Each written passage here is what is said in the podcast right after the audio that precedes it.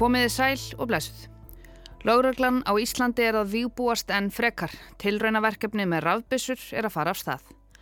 Lágröglan hefur endar viljað fá rafbissur í tæpa tvo áratvíu. Umræðanum það var mjög hávær hérna í kringum hrunið til dæmis. Allskynns tilraunaverkefni voru gerð skýrslur skrifaðar en niðurstaðan var svo að rafbissuvæðing væri ekki tímabær. Og nú, eftir fregnir af mögulegri hriðiverka árás á Íslandi bárust, eru rafbissutnar komnar aftur á borðið. Það eru mjög skipta skoðanir á því hvort bissutnar auki öryggi borgarana. Ég heiti Sunna Valgerðardóttir og rafbissur verða á dagskrá í þetta helst í dag.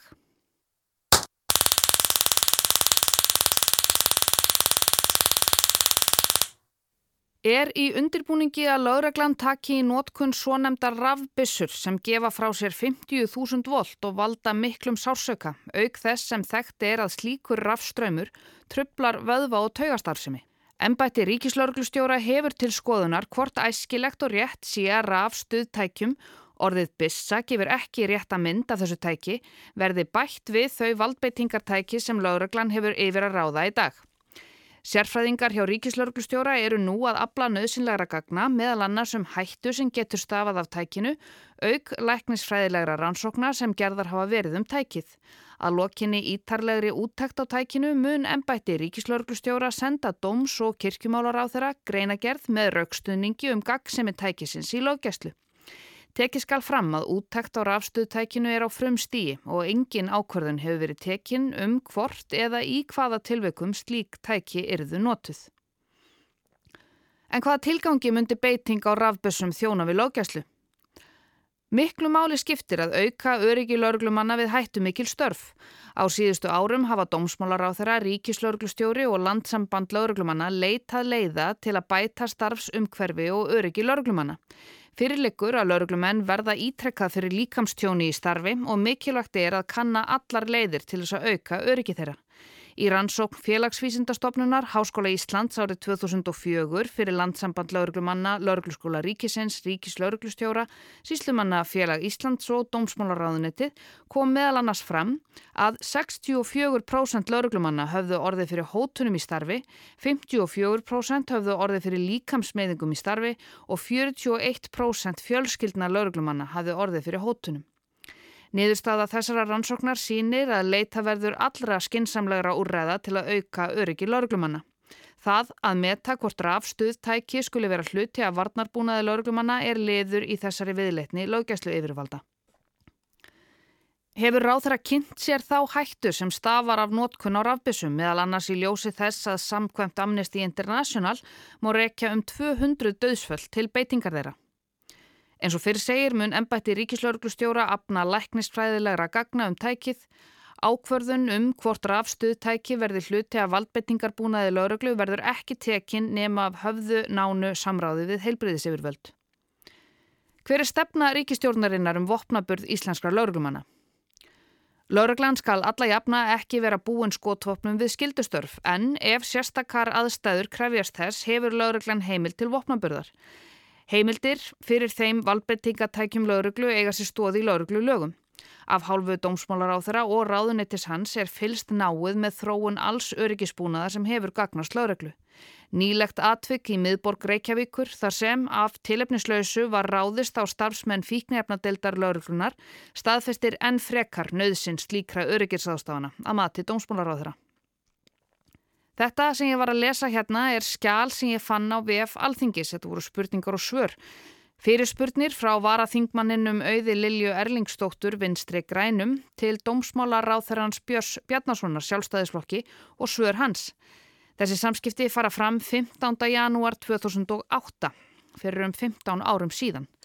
Þarna hafi greinlega eitthvað gerst eins og ráð þeirra tilgreinir í svari sínu. Það var ráðist á starfsmenn fíknefna deildar lauruglunar sem að mati ráð þeirrans staðfestir það að það þurfi að vopnavæða laurugluna. Þess ber að geta að þessar vangaveltur dómsmálaráðunettisins náðu ekki fram að ganga þar að segja að lauruglan fekk ekki rafbissurðana eða rafstuðtæki eins og ráð þeirran vildi kalla þeir. En þetta hefur greinlega verið mikill í umræðinu þarna í kringum hrunið því í desember 2007, tæpum mánuði áður en Björn svaraði auði Lilju, byrtist heljarinnar úttækt á rafbissum í hennu ágæta dagblæði 24 stundum. Fyrirsögnin Drápstæki eða hjálpartæki fyrir laurugluna. Amnesty International og saminuðu þjóðurnar telja nótkunn rafbissa til pyntinga. Dregur úr meðslum á lauruglumönnum og handteknum. Nú ætlum við að grýpa aðeins niður í þessa grein frá árinu 2007. Embætti ríkislauruglustjóra hefur haft til skoðunar síðan í sumar hvort ástæða sé til að lauruglan hér á landi takju upp nótkunn slíkra bissa. Neikvæð umræða um þær komst í hámæli eftir að myndband sem síndi kanadíska lauruglumenn vopnaðar af byssum skjóta mann sem síðan lést og myndbandið fór sem eldur í sinu um veraldarvefin. Rafbyssur þessar eru ekki nýjar af nálinni en fyrstu gerðirnar komu á markað á áttunda áratug síðustu aldar. Þær hafa þó verið bættar á undanförnum árum og upp úr aldamótum jógst nótkun þeirra meðal laurugluleiða á Norður Ameríku all nokkuð. Virkni þeirra er þannig að í einstakling sem þarf að yfirbuga er skotið rafskauti tengdu stálvýr sem dregur alltaf 10 metra. Þannig eru 50.000 volt sendi í líkama viðkomandi sem lamar taugakerfi hans tímabundið og lætur hann engjast um af miklum sásöka. Það eru skiptar skoðanir um hversu hættulegt það er fyrir heilbriðan einstakling að vera skotin með rafbissu. Í skýrslu um samantakt lauruglunar í Bresku Kolumbíu í Kanada á nótkun rafbissa eru talinu upp 4.372 tilfelli þar sem þær voru notaðar til þess að yfirbuga einstaklinga. Þaraf þurftu í 49 tilvikum einstaklingar á læknishjálpa halda eftir á eða í 1,12% tilvika. Fjórir létust. Í samantæktinni voru tvö dæmi þar sem ófrískar konur voru skotnar með rafbössum lauruglumanns en í kvorugu tilfellinu hlaut fóstrið skada af. Það er tekið fram í skýrslunni að allir fjórir sem létust voru karlmenn undir áhrifum kokains og talinn eru upp læknisfræðileg rauk fyrir því að mjög mikil áfengisneisla eða neisla annara örfandi fíknæfna gerir mann berskjaldaðri fyrir hættunni af því að verða fyrir rafbössuskoti.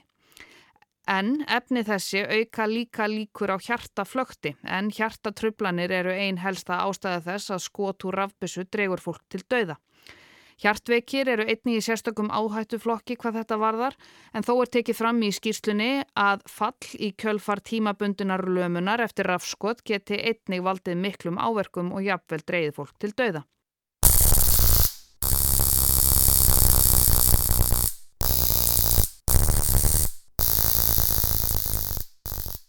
Samkvæmt nýleri tilraun breska varnamálaráðunitisins er rafmagnið sem skotið er úr rafbessu töluvert frá því að geta valdið hjartatröflunum hjá heilbriðum einstaklingum.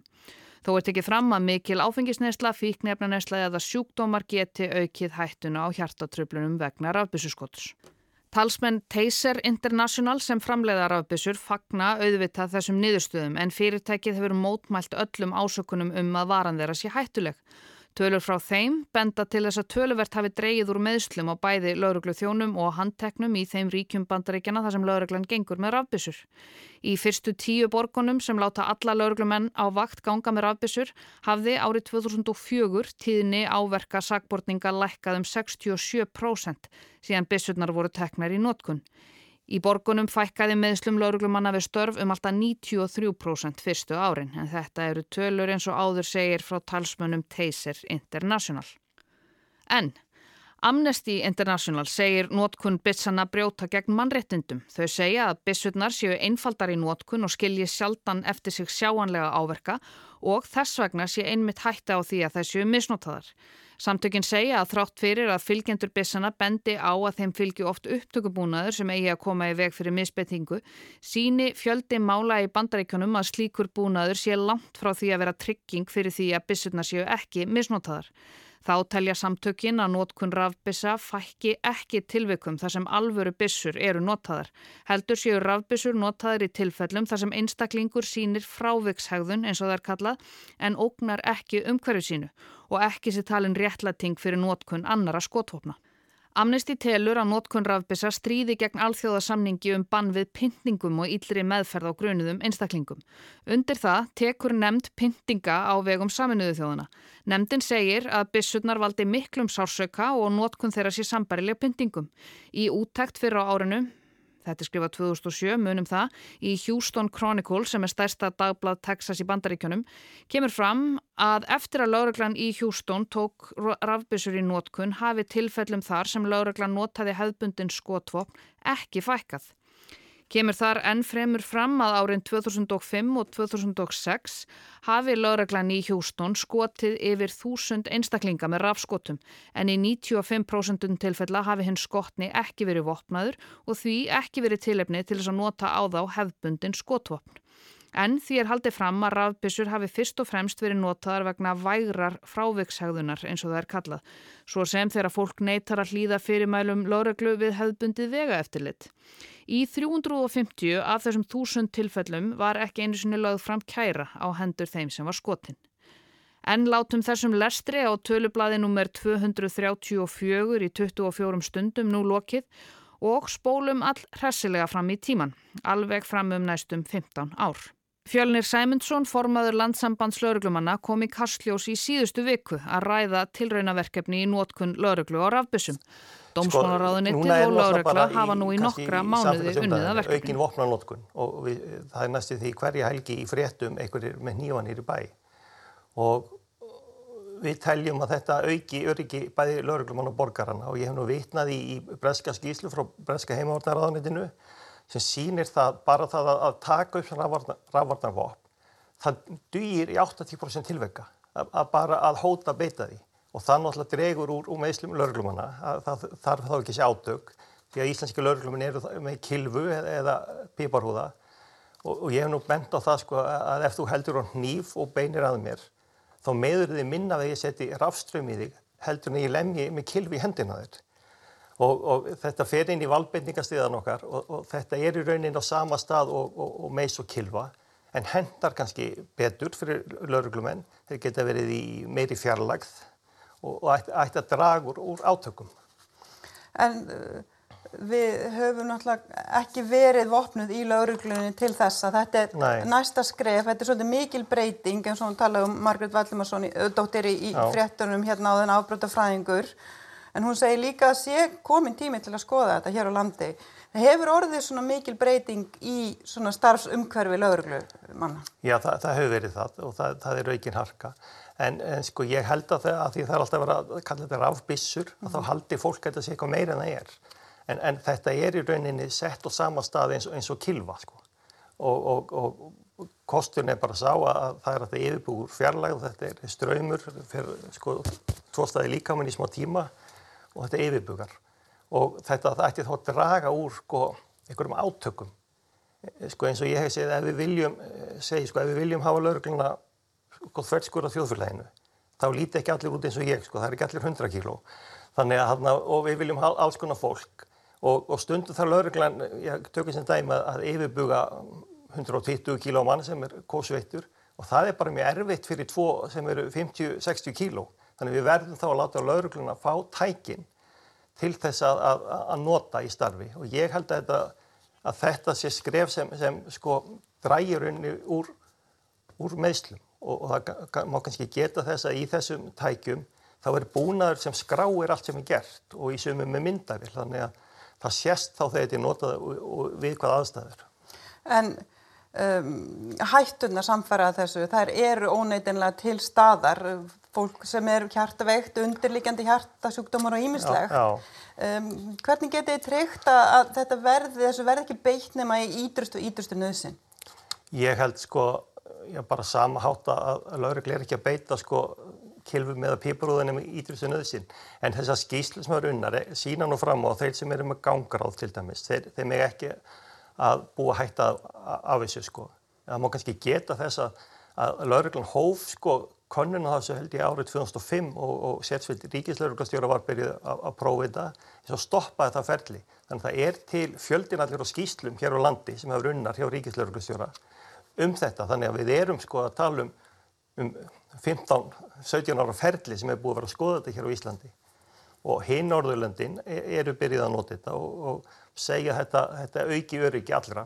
Þetta er rétt hjá fjölni, þetta verkefni nær langt aftur í tíman eins og hefur komið fram í þessum þætti. En hvað eru rafbissur? Ætli við þekkjum það er ekki besti gegnum bíómyndir hér. Þær skjóta oftar en ekki upp kollinum í amerískum bíómyndum og þáttum, síndar sem frekar meinleisisleg fyrirbæri, ofti afvel smá komísk. Stundum gegna þær hlutverki piparúða eða nöðgunarvarnarflötu í verskjum kvenna, en ætli þær þykki ekki of saklausar til þess að vera gerðar að aðal atriði þegar kemur að vopna burði lauruglunar, að minnstakost í bíómyndunum. Í íslenskum vopnalögum falla rafbissur eða rafmagsvopn eins og það er kallað undir höggvopnaflokk. Höggvopn eru núajátn, gattakilfur, felukilfur, kilfur sem ekki eru ætlaðar til íþróttaiðkunar eða önnur slík vopn, svo sem rafmagsvopn, sem sé í sama flokki og kilfurnar sem lauruglumenn bera.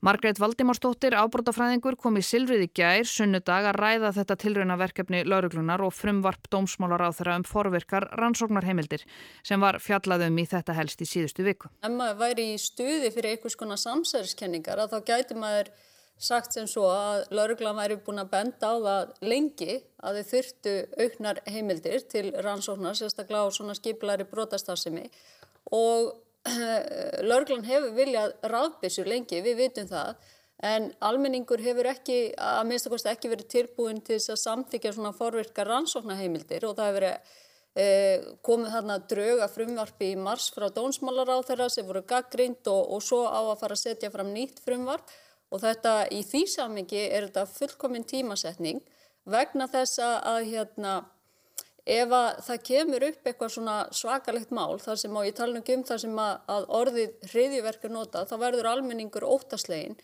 og, og, hérna, og er tilbúin til að svona samþykja meira íþýkjandi reglur heldur en hann væri annars tilbúin að gera.